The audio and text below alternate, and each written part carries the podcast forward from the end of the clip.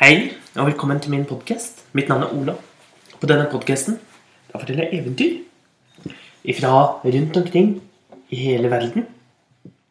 Noen av eventyrene er veldig gamle. Noen av dem er nyere. Noen av dem er faktisk over 1000 år gamle.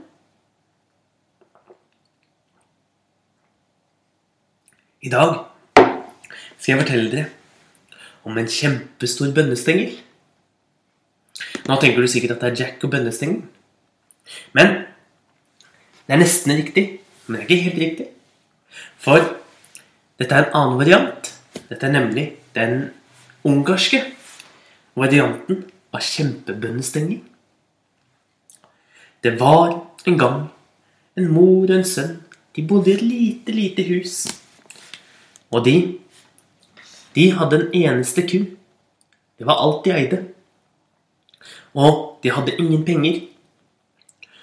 Og rett som det var, så sa moren til sønnen Ta med deg kuen vår ned på torget, gå på markedet og se om du kan selge den.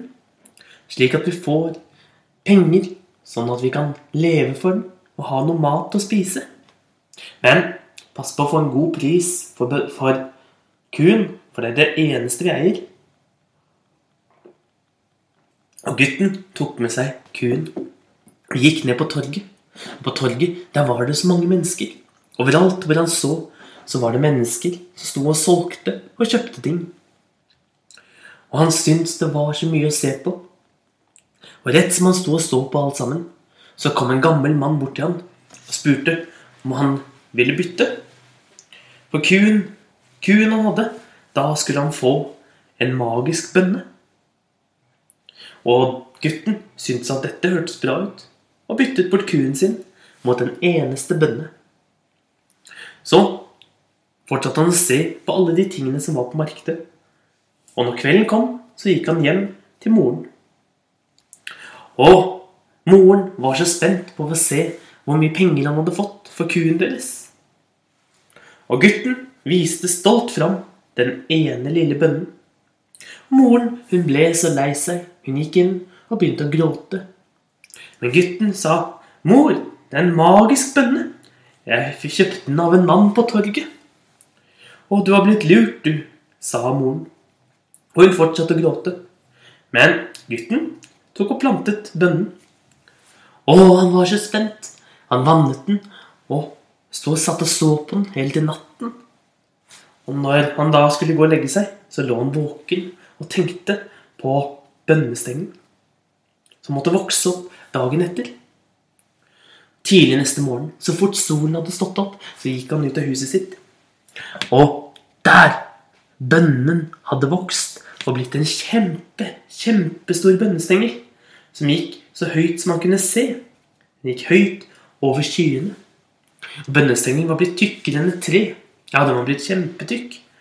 Og store, store bønneblader, så store som hus, så han lengre oppe mot himmelen.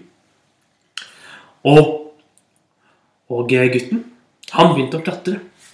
Han begynte å klatre oppover. Oppover, oppover, oppover. Han klatret hele dagen. Så høyt var det.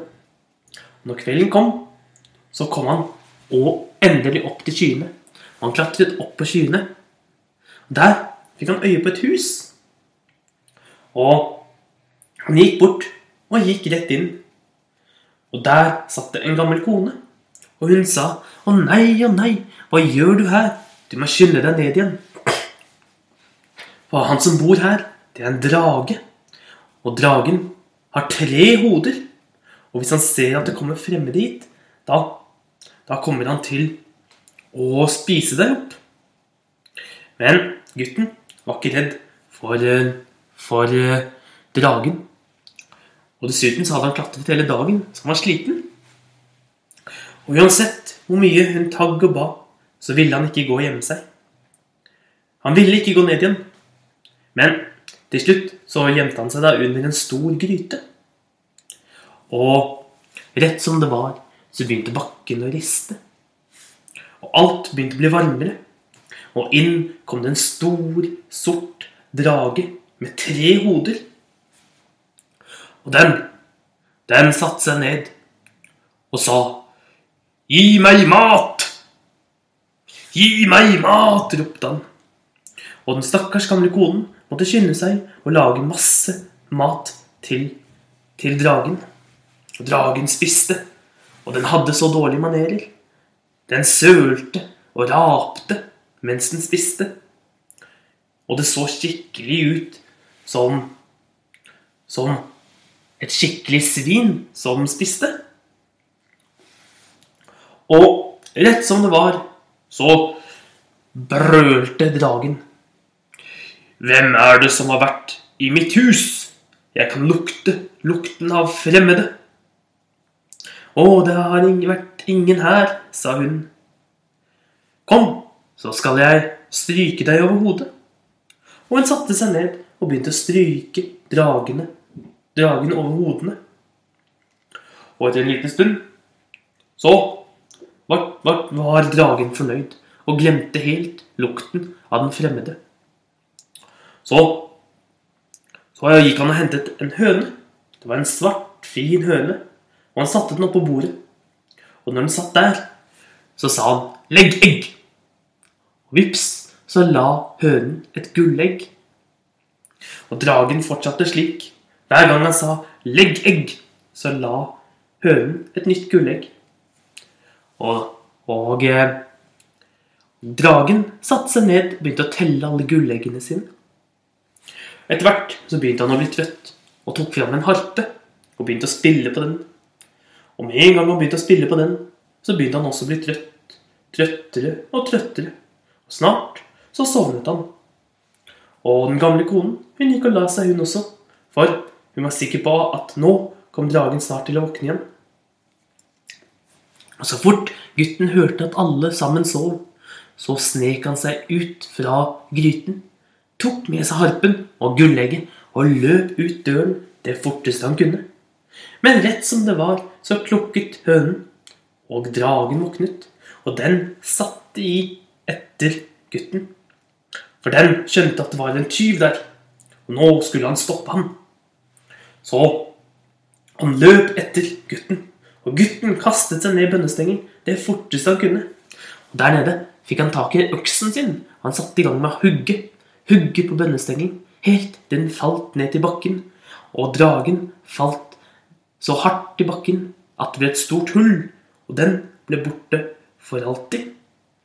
Og gutten viste fram harpen og hønen til moren, og hun ble så glad for at sønnen var i live, og enda gladere for den vakre harpen. Men aller gladest ble hun når hun så at hønen begynte å legge gullegg.